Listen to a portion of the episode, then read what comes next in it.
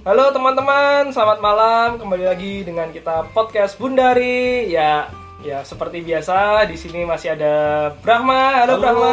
selamat malam Mas Kiki. Ada Bundari juga. Halo, selamat malam Kiki. Dan kali ini ada yang bergabung Rara. Halo, selamat malam semuanya. Selamat malam. Dan selamat malam ada teman kita anak gaya juga Subi. Halo, selamat malam. Halo. Selamat malam selamat Subi. malam. Sehat Subi. Alhamdulillah baik. Asik. Ini ini rame ya hari ini Lagi ya. rame nih. Kalau Iya. lagi rame itu harus bahas topik yang seru juga. Yang seru. Apa ini? Eh, Cinta itu. Wah, ini drama ini. Bucin itu. sejati. Loh, Drama itu- itu bucin pada masanya. Oh, Brahma tuh bukan bucin gitu. sejati. Brahma tuh bikin cewek-cewek bucin ke dia. Oh iya iya. iya. Tapi habis itu ditinggali. Cinta saya nih lagi. Oke, ayo. hype ini. Ya, jadi ini kita mau bahas bucin ya. Ini kan eh, jadi semacam fenomena ya di tengah masyarakat kita itu. Apalagi dengan orang-orang yang usia muda ya. Hmm. Yang ya remaja lah, remaja-remaja saat ini kan lebih Wah, remaja berarti nanti Rara nih yang jadi Ya. nasum nih. Aduh. Baiklah. Remaja-remaja kita kan banyak yang kalau masalah percintaan tuh kayak over ya atau apa ya istilahnya ya? Eh, Eh, Terlalu dibutuhkan perasaan. ya terlalu dibutuhkan perasaan. Karena semua orang anak-anak remaja zaman sekarang tuh butuh pasangan sih. Oh iya, Bu. Oh, Jadi kalau misalnya ngelihat aduh kok temenku udah punya pacar, terus nanti nanti teman-temannya semua udah punya pacar, tinggal dia sendirian jomblo tuh kayak rasanya tuh sedih gitu loh. Jadi mereka mending punya pacar, tapi habis punya pacar dibucinin biar nggak pergi gitu loh. Jadi biar nggak ada omongan. Oh, nah sekarang bucin sendiri itu apa coba? Menurut kalian nih? Ini kan kita sering dengar istilah nih bucin, tapi kan mungkin eh, kelas apa ya klasifikasi bucin itu sebenarnya apa? Taraf bucin tuh sampai level berapa sih? Ada levelnya nggak tuh? Kita Level mulai 1, dari- level 2, level 3 gitu kan? playboy kita dulu. Brahma. Iya, buat mulai jadi. Playboy sejati kita Brahma. Bagi para cewek-cewek yang mau daftar jadi Aduh, itu masih lugu urusan cinta loh. Aduh. Apa? Lugu. Iya. apa apa apa bucin apa bucin bucin apa nih bucin menurut Brahma nih? kepanjangannya apa kepanjangannya dulu Bukan cinta sih, Bun. Kalau menurut aku tuh apa ya? Kayak orang sudah kayak di matanya hanya dia gitu loh. Segala apa pun. Bukannya dia. cinta memang kayak gitu ya? Nah itu bun, tapi kayaknya kayak arahnya tuh lebih kayak ke insecure gitu, jadinya lebih Obsesi. op- overprotective, nggak boleh ini nggak ini makin lama makin abus abuse bahasanya keren kali ya. Ya.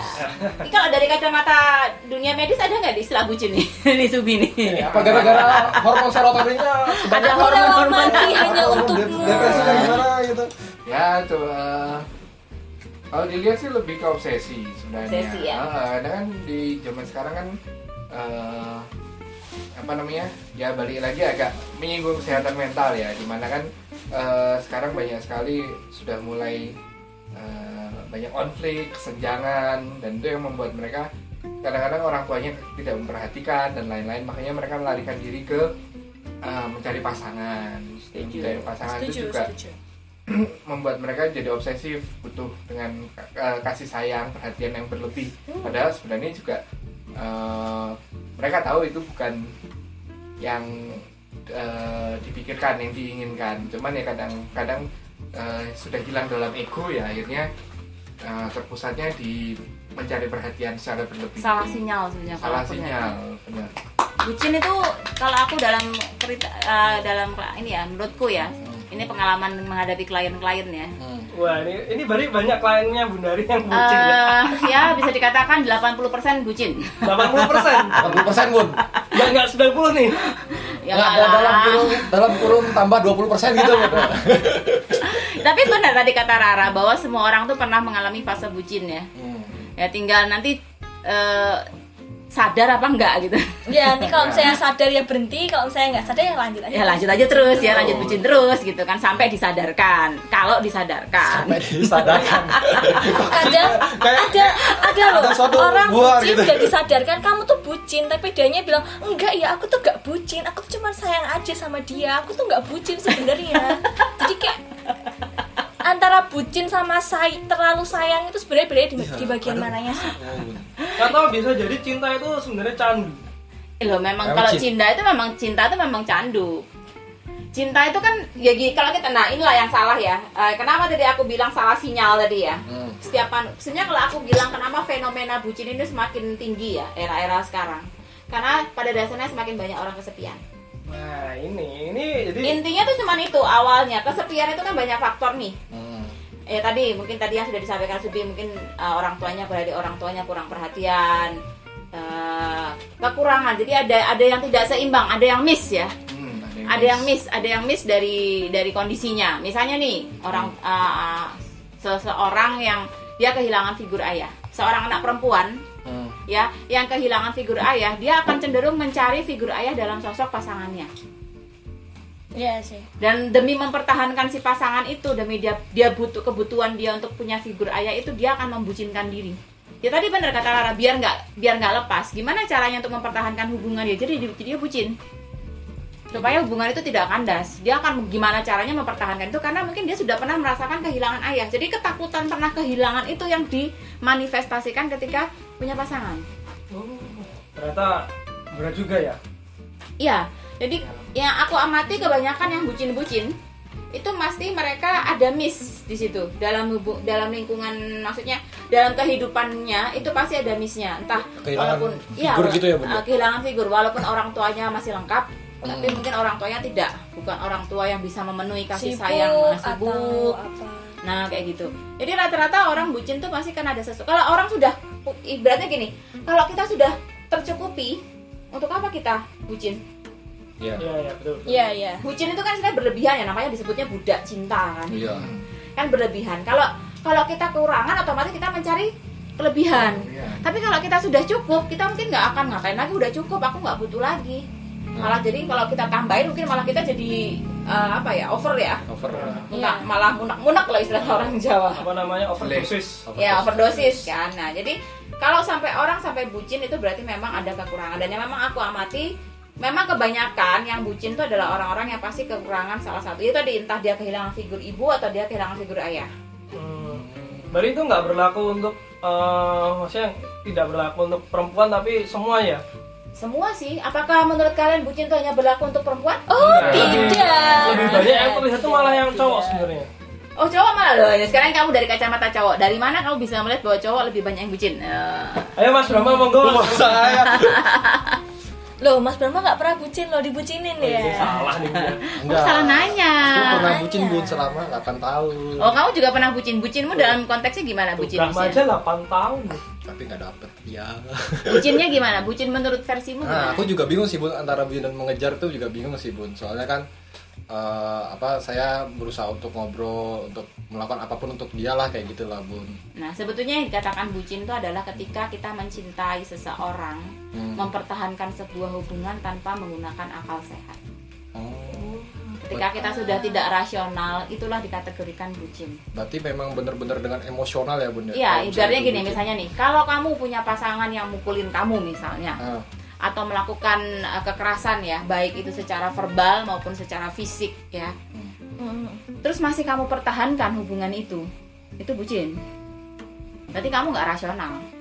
hmm. kamu nggak punya kok orang kasarannya kok mau maunya Hmm. di maksudnya dipukulin sama orang lain ya itu masih orang Iya, lain ya iya. sama orang lain maksudnya di- Iya, iya. diperlakukan dengan kasar, Kasar. misalnya atau ketika kamu diselingkuhi Aduh, udah berat itu. oke lah kalau memaafkan untuk sekali mungkin masih ya tapi kalau misalnya berkali-kali diselingkuhin dan dan masih diterima kembali terus menerus kan banyak sekali yang kayak gitu ya Sering Iya, kejadian di teman bahkan saya. teman-temannya Rara pun tiap kali mereka diselingkuin atau pernah kan ada temennya Rara tuh dipukulin gitu kan sama pacarnya dia tuh selalu bilang sama Rara enggak aku yakin dia tuh pasti berubah tapi Ya. sampai sekarang tuh dia tuh nggak berubah-ubah tau nggak sih Aku sampai capek gitu loh ngasih taunya Itu itu orang apa keledai itu? Dongki. Hah? Dongki. Mbak.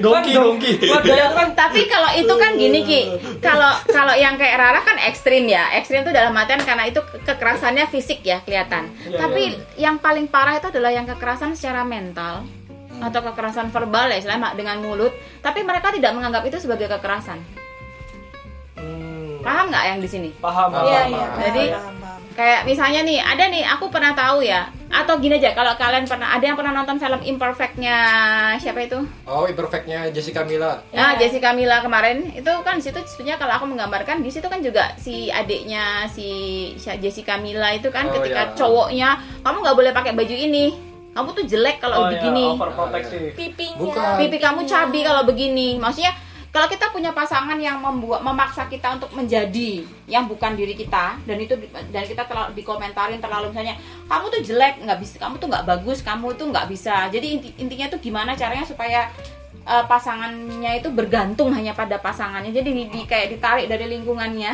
Hmm. Dibuat bergantung nah gitu. dibuat bergantung tadi dihilangkan kemandiriannya dihilangkan jadi Kepercayaan dirinya. kepercayaan dirinya dengan alasan cinta itu juga yang masih bertahan dengan hubungan seperti itu Banyak. itu juga bucin Itu itu lebih nggak kelihatan lagi ya lebih itu sekarang kebanyakannya kayak gitu loh, malah Itu kebanyakan yang kayak gitu kalau yang kasar jelas ya orang secara Sekalian. spontan kelihatan. orang secara spontan langsung komentar "Oh, dia nggak bagus orang dia kasar sama kamu kan gitu Hmm.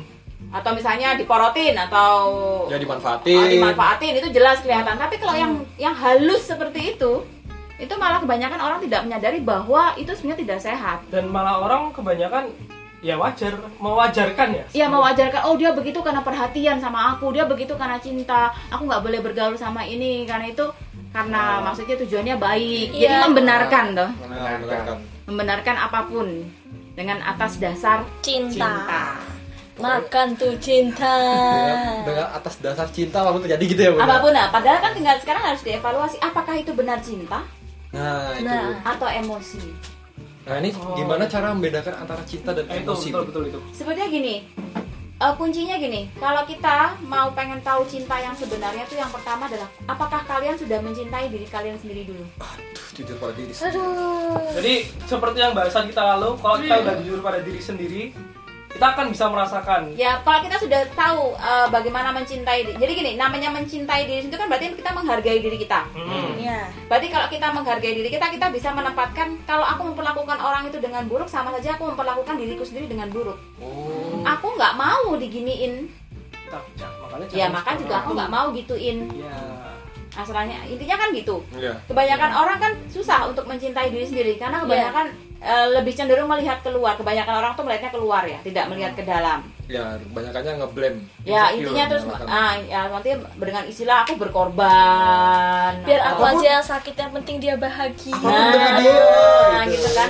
Padahal kalau kita bahagia, kalau kita happy dengan diri kita, kita pede dengan diri kita, sebetulnya kan tanpa kita sadari kita akan membuat diri kita tuh berharga sehingga orang memperlakukan kita dengan tidak berharga pun juga mikir-mikir. Eh, makanya saya membuat diri saya bahagia.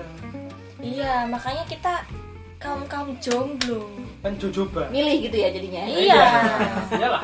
Tapi Jojoba tuh tapi juga aku makin sekarang melihat hari Sabtu tuh hujannya semakin tinggi, Bun. berarti ini jojo set. Oh iya, berarti jomblo tuh pasti banyak yang sedih gitu ya kan. jojo jojo sedih. Makin kita tuh jomblo antara memilih sama nggak dipilih itu aku, aku masalahnya. nggak salah kalau aku Eh, jomblo karena kalau, kalau kita nih bukan jomblo, kita nih single. single Single ya? Single. Ya nggak, ya nggak bi, kita single kan bi. Single, Ya. single. Kalimat- Kita single jomblo, itu maaf ya. pilihan single karena keadaan tuh Iya. Oke, tadi kan kita bahas ya kan kalau apa namanya eh, bucin tuh kan lebih identik dengan kawula muda ya. Uh, Bahasanya radio banget nih kawula muda nih. Kembali Ada nggak bucin yang eh, Orang tua. orang dewasa? Banyak, Banyak. banyak sekali dan justru parahnya yang ketika sudah di usia aku bilang puber kedua itu malah bucinnya bisa lebih sangat tidak rasional. Padahal aku ini mau bahasnya tuh usia-usia kayak Mas Subi sama Mas Rama yang udah Ya, kepala ini, tiga gitu ya. ah, yang Ya, yang ya. Nah, kepala tiga siapa nih? bisa tolong kacanya ya kakak Kayaknya yang ngomong yang paling tua deh. Yang paling mepet kepala tiga. kan, kan yang bertanya bukan yang ditanya. Oh gitu ya. ya. Kan kita balikan lagi. Dia bertanya untuk dirinya sendiri kan bedanya kan mengatasnamakan kalau yang tadi oke yang kepuber kedua dulu Bundari Kalau aku justru gini loh, eh yang malah aku melihatnya paling parahnya adalah ketika eh, bucin di level yang sudah masuk ke usia matang ya, istilahnya usia di atas 30 ya. Hmm. Itu efeknya lebih lebih luas karena dia tidak hanya mengorbankan dirinya sendiri, kayak bisa mengorbankan anak, keluarga ya bun ya. keluarga, pekerjaan, wah karir, Aduh. hanya demi cinta nama baik, Nah. Ibaratnya gini, kalau anak muda tuh yang Kiki nyebutnya kawula muda itu kan Kawula muda yang seumuran Rara. Ya, kawula muda sama Rara. Rara Kawula misalnya nih. Rara mau bucin nih misalnya nih. Rara Tua. bucin. Oh, mau tua. Yang paling yang yang yang paling cuma diomelin aja sama mamanya. Ngapain kamu bucin gitu. Tapi kan eh, yang apa ya, yang disusahin kan dirinya sendiri nih. Iya, iya, iya. Paling yang kena cuman bagian studi aja sih. Ya, kayak gitu-gitu.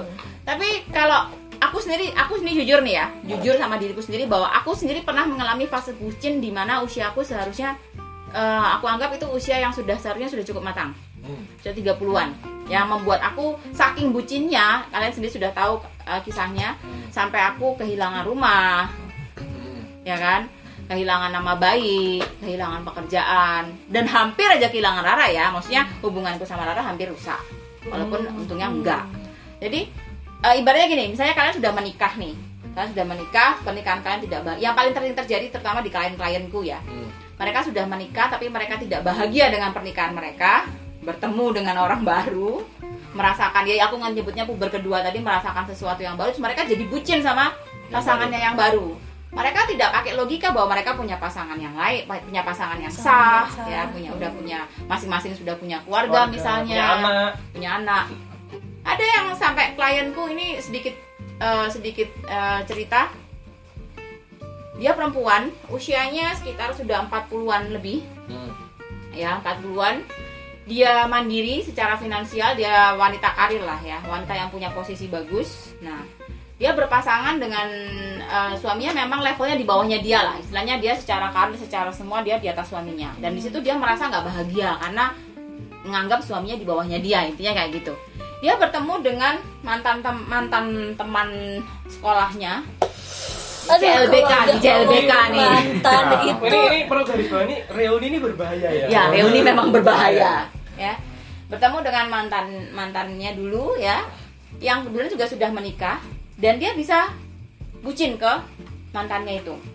Sehingga dia rela bercerai dari suaminya dia menjadi istri kedua dari mantannya itu dan dia membiayai eh, mantannya itu dan istrinya Aduh, itu bucin level tingkat stadium dia sampai meninggalkan suami dan anaknya loh. Itu bucin apa bang berjalan? Eh, ini berjalan ya. ini boleh. Boleh ngomong kasar gak sih? Gak boleh? Gue Ida, gue itu pun aku pun sampai dan dia dia sadarnya telat gitu loh. Sadarnya itu ketika dia sudah di, di level di dia merasa dia mulai menyadari bahwa dia dimanfaatkan secara finansial. Dan dia kehilangan anaknya segala macam Kehilangan. ya baru dia menyadari dan itu kan efek hancurannya udah agak susah diperbaiki Ternyata bucin ini punya efek hancur yang sangat mengerikan ya. ya namanya aja budak ya ki ya Iya. budak itu kan kalau kita kita kembali lagi ke zaman perbudakan dulu yang namanya budak aja Nggak pengen merdeka ya mereka kan tidak punya kebebasan jadi terikat, budak tuh nggak ya. ada yang enak iya makanya Eh, Bun, berarti sebenarnya triggernya puber kedua nih gara-gara pernikahan yang tidak bahagia atau gimana Bun? kebanyakan eh, kalau aku melihatnya memang eh, ketidakbahagiaan dalam pernikahan Hmm. atau ego yang terlalu tinggi. Oh, Bosan berarti- itu. Pem, iya pemua- ya itu kan ego. Bosan itu awal dari ego karena kalau anak kita bicara bosan semua orang pasti ngalami bosan. Ya ya kan nggak ada orang yang tidak pernah jenuh. Secinta apa pun sama pasangan pasti akan mengalami titik jenuh itu manusiawi. Tapi kan tinggal bagaimana dia memanage ya maksudnya Hmm. mengatasi kejenuhan itu supaya tidak berkelanjutan nah kalau orang ego egonya dimenangkan ya dia jenuh dia akan cari pelarian Oh iya iya. Berarti ini kan nggak pengaruh dengan umur tau Bun? enggak sih Berarti lebih pengaruhnya ke hubungan antara gimana dia dengan keluarga gitu toh, sama dengan dirinya sendiri juga gitu. Iya, tadi kan kamu kaitannya karena kamu nanya puber kedua kan. Ah, ah, ya, iya. puber kedua memang biasanya di usia-usia usia-usia merasa biasanya gini, kalau puber Itu kedua itu kan baru. masuk ke ketika fase di mana dia merasa dirinya sudah mapan, Oh. Hmm, hmm. dia sudah mencapai level tertentu dan dia melihat pasangannya tidak selevel dengannya. Hmm. Titik di mana sombongnya itu. Iya, Ya, itu yang pertama, merasa pasangannya tidak selevel dengannya atau dia minder dengan pasangannya. Oh malah kebalikannya. ya? Kebalikannya. Kalau dia minder dengan pasangannya, justru malah dia bisa selingkuh juga. Karena dia akan mencari sesu- mencari seseorang yang, Yang akan selevel. menaik yang menaikkan egonya dia. Oh. oh Contoh nih, seorang wanita yang dia karirnya bagus dibanding suaminya. Suaminya kan minder nih. Hmm. Iya iya iya. suaminya minder Iya, dia iya. akan selingkuh untuk menaikkan egonya ya kamu sibuk kerja sih ini ada perempuan lain yang mau sama aku nih dengan apa adanya aku Apa pun bisa jadi alasan ya apa pun bisa jadi alasan dan itu banyak sekali kejadian seperti itu sampai makanya kalau di timur itu sering kali jadi perempuan tuh nggak usah pinter-pinter. Ya. Yang ya penting kan? nggak usah tinggi-tinggi karirnya nanti nggak suamimu selingkuh. Kayak di film yang kemarin ya. Iya kayak yang kita menonton Agatha ya. Christie and the Truth of Murder sekalian promo. Padahal bukan film kita. Ya kayak di, di filmnya kita tonton kemarin kan gitu kan. Perempuan ketika dia terlalu cerdas terlalu hebat itu malah justru bisa jadi alasan bagi suaminya untuk merasa eh, suami istrinya terlalu A terlalu B terlalu C tidak memperhatikan suami tidak memperhatikan keluarga sehingga punya alasan untuk selingkuh Hmm.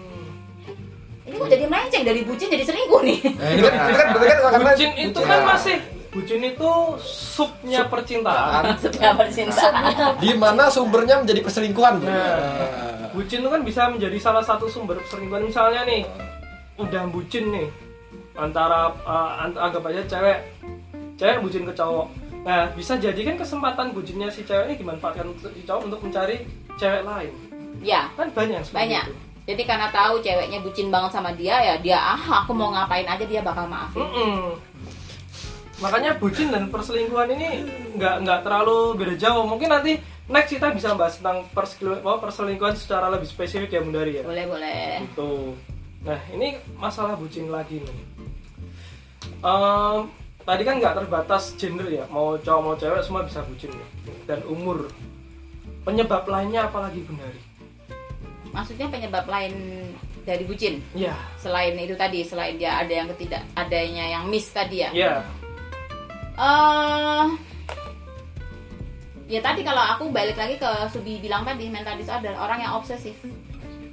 Obsesif dan posesif itu kecenderungan watak ya karakter ya? Hmm, karakter memang. Karakter. Ke- kepribadian. dia, ah, kepribadian kalau dia memang punya karakter posesif dia punya karakter eh, apa obsesif itu biasanya jadinya bucin karena Oh. harus harus memiliki atau pola asuh Nah, ya. Oh, itu juga pengaruh Iya, Bundari ya? pengaruh pola asuh lingkungan jadi orang yang di ya, dalam lingkungannya mungkin dia selalu dimanja segala sesuatunya selalu terpenuhi ya terlalu dikekang gitu? terlalu dikekang Oh, sehingga ketika ketika dia memiliki pasangan ya dia dia akan Perlakuan. pokoknya harus harus gimana pasangan itu nggak lepas dari Berarti dia. kayak memperlakukan hal yang sama apa yang diperlakukan sama dia dulu gitu ya, Ben? bisa. Hmm. itu kan itu namanya teori refleksi ya. Karena dia menganggap itu juga wajar. Ya Karena perlakuan seperti itu kenapa saya tidak boleh memperlakukan? Nah orang lain seperti itu Aku paling takut tuh misalnya yang bucin tuh yang tiba-tiba dia jilat-jilat dirinya gitu, ngancam gitu. Iya. Ya, kan sekarang yang paling level yang paling mengerikan Iya. adalah bucin yang dengan mengancam kan. Kalau Oh. kamu putusin aku, aku bunuh diri. Aku Bunuh diri. Karena banyak sekali eh, kasus-kasus yang beberapa klienku juga aku nggak berani mutusin dia, bahkan aku sendiri pernah alami eh, dapat pasangan yang seperti itu ya. Kalau nggak tak kalau nggak tak kalau tak tinggalin dia mau terjun ke Yang Tapi dia- kebanyakan yang yang mau bunuh diri bunuh diri kayak gitu yang cowok ya. ya karena cewek itu paling bisa dimanipulasi dengan hal-hal seperti itu. Tapi tadi yang diomongin Brahma tuh juga berapa kali nama bunda. Jadi kayak eh, bucin tuh. Gak saking cintanya. Terus si cowoknya mungkin tidak memberikan perhatian lebih atau Oh ini belum jadi pasangan Tapi ternyata cowoknya punya pacar gitu. Akhirnya dia ngirimin foto nyilet tangannya tuh loh Eh, Bikin apa ya, ya? kalau itu Ya, dia sudah bikin- maksudnya udah mental disorder ya dia. Bikin namanya sudah mental disorder memang Dia sudah kelainan, Oh, maksudnya dia sudah. sudah sudah dia kan berarti kan dia mengharapkan perhatian yang berlebihan. lebih oh. dia obsesif sekali itu. Ya intinya gini supaya kita tidak bucin ya kita harus balance. Apa pun dalam hidup ini kuncinya cuma balance keseimbangan. Keseimbangan antara logika atau rasional dengan hati atau emosional. Ya kalau kita misalnya kita cinta sama orang boleh semua itu itu kodrat ya kita harus mencintai orang lain memang iya Pak. kodratnya memang kita pasti mencintai orang lain tapi ketika kita mencintai orang lain ya kita harus menempatkan diri bahwa cinta kita tuh tidak melukai kita Pentingnya jujur sama diri sendiri. Jadi Iya. pentingnya take Kita and harus give take gitu and ya. give, Seimbang. kita harus seimbang lah kalau kita mencintai sesuatu yang hanya melukai kita jatuhnya sama kayak kalian kecanduan ya tadi kalau Kiki bilang itu candu misalnya kita cinta sama narkoba nih Hmm. Ya mungkin narkoba tuh bagi kita enak katanya ya aku belum pernah soalnya. Yang nanti kalau aku bilang enak aku bilang dikira lo bunda udah pernah pakai aku nggak aku nggak tahu. Cuman katanya sampai orang kecanduan tuh kan berarti mungkin nyaman ya menggunakannya atau enak. Tapi kan itu sebetulnya melukai dirinya menghancurkan dirinya. Iya. Iya. Berarti kan dia nggak rasional. Dia tahu bahwa narkoba itu berbahaya, narkoba itu ini. Tapi tetap menggunakan. Tetap menggunakan atau mungkin alkohol, Iya, iya, iya. atau mungkin yang lain-lain lah judi, kayak gitu. Rokok mungkin yang dalam kriteria paling rendah, Ya. yang udah dianggap bukan Tadi eh, masalah judi ya, aku kok tiba-tiba terlintas. Apakah bucin itu bisa berarti adrenalin? Ya, bucin tuh bisa apa ya kayak memba- ada sesuatu yang apa ya membangkitkan Membara. membara balik lagi ke ego tuh dia ego tadi, ego egonya terpenuhi. Hmm. Di Ya kalian sendiri yang pernah bucin gimana rasanya pas jadi bucin? melelahkan. Itu berarti kamu waras Ki kalau kamu melelahkan. Dan ternyata ini uangku habisnya banyak. Jadi aku tidak ingin bucin lagi. Rara nih, pernah jadi bucin gimana rasanya? Tara tuh bu Tara itu sebenarnya dibilang bucin, ya bucin. Cuman kan nggak terlalu ya. Jadi Ratu cepet sadarnya gitu loh kalau bucin tuh. Jadi habis tahu kalau bucin terus tinggal aja. Ya ibadatnya itu semua orang walaupun kita semua pernah bucin, tapi sama seperti kita kita makan deh tadi. Nih kayak tadi kita habis bilang kita habis makan enak nih, habis makan kerang ya. yang bikin mudari loh itu. Ya, Enak. Jangan lupa sambelnya enak banget guys. Kerangnya kan tadi kalian makan enak banget. Iya. Tapi kan kalian juga harus tahu kapan harus berhenti makan. Ya. Oh. Mungkin perut mulutnya mungkin rasanya pengen makan terus, tapi perutnya kalau memang perutnya sudah nggak sanggup ya jangan nggak bisa dipaksain itu satu. Apalagi kalau misalnya kita sudah punya bakat kolesterol lemah. dan segala macam kan juga harus mikir kita nggak bisa makan terlalu banyak, terlalu berlebihan. Jadi kalau misalnya kita sudah bisa mengenali ini nah mencintai diri sendiri itu berarti kita mengenali diri kita kan apa yang baik untuk kita dan apa yang tidak baik untuk kita. Kalau kita sudah merasa itu tidak membuat kita bahagia, tidak membuat kita nyaman, itu melukai diri kita sendiri ya saatnya berhenti. Ya kayak narkoba, narkoba itu kan sebenarnya tidak bisa dikatakan selalu buruk ya. Dia juga dalam dunia pengobatan kan juga ada dipakai ya. Ini yang Tapi yang- dalam yang tapi dalam batasan-batasan wajar kan. Ba- iya. Ada takarannya. Tapi kalau namanya overdosis ya pasti segala sesuatu yang namanya overdosis pasti nggak baik. Jadi bucin boleh tapi pada takarannya. Nah, mau sebenarnya kalau nggak kalau pada takarannya itu nggak bucin sih. ya bucin ya kalau pada takarannya itu normal. Oh, Pada takarannya kadang kelebihan dikit jadi bucin dikit tapi besok kembali lagi. Ya paling kayak masakan keasinan dikit gitu ya. Kalau aku tadi mau ngomong Kita ini, bahas bumbu dapur apa bumbu ini? Aku mau ngomong ini ada pepatah nih. Aku bikin sendiri barusan. Oh. Apa nih pepatahnya nih? Cinta boleh, bodoh jangan. Wah, itu udah bukan pepatahmu itu. Aduh, aku kira itu bikin sendiri. Oke, terima kasih teman-teman semua. Ya, terima selamat kasih menikmati banyak. podcast kita. Semoga, bermanfaat. Bagi yang bucin segera sadar ya. Oh itu bagi yang bucin saudara-saudara. Semoga dengan adanya podcast ini bucin semakin sadar gitu. ya. Asik. Oh iya, eh, kita kemarin lupa mengucapkan selamat berpuasa bagi teman-teman yang menjalankan. Selamat berpuasa. Dan, Mubarak. Dan kalian yang ingin tahu tadi Bundari sempat ngomong eh, aku sudah mengisahkan buku oh, me- membukukan kisahku nih. Itu kalau kalian mau beli bisa DM di kita. Bisa DM di @tarot Bundari di IG ya. Gitu. Oke, terima kasih teman-teman semua. Terima kasih sudah mendengarkan. Eh, semoga bermanfaat. Amin amin Am- amin. apabila ada perkataan yang salah mohon dimaafkan. Semesta memberkati. Terima kasih. Kita berkati Terima kasih. sama.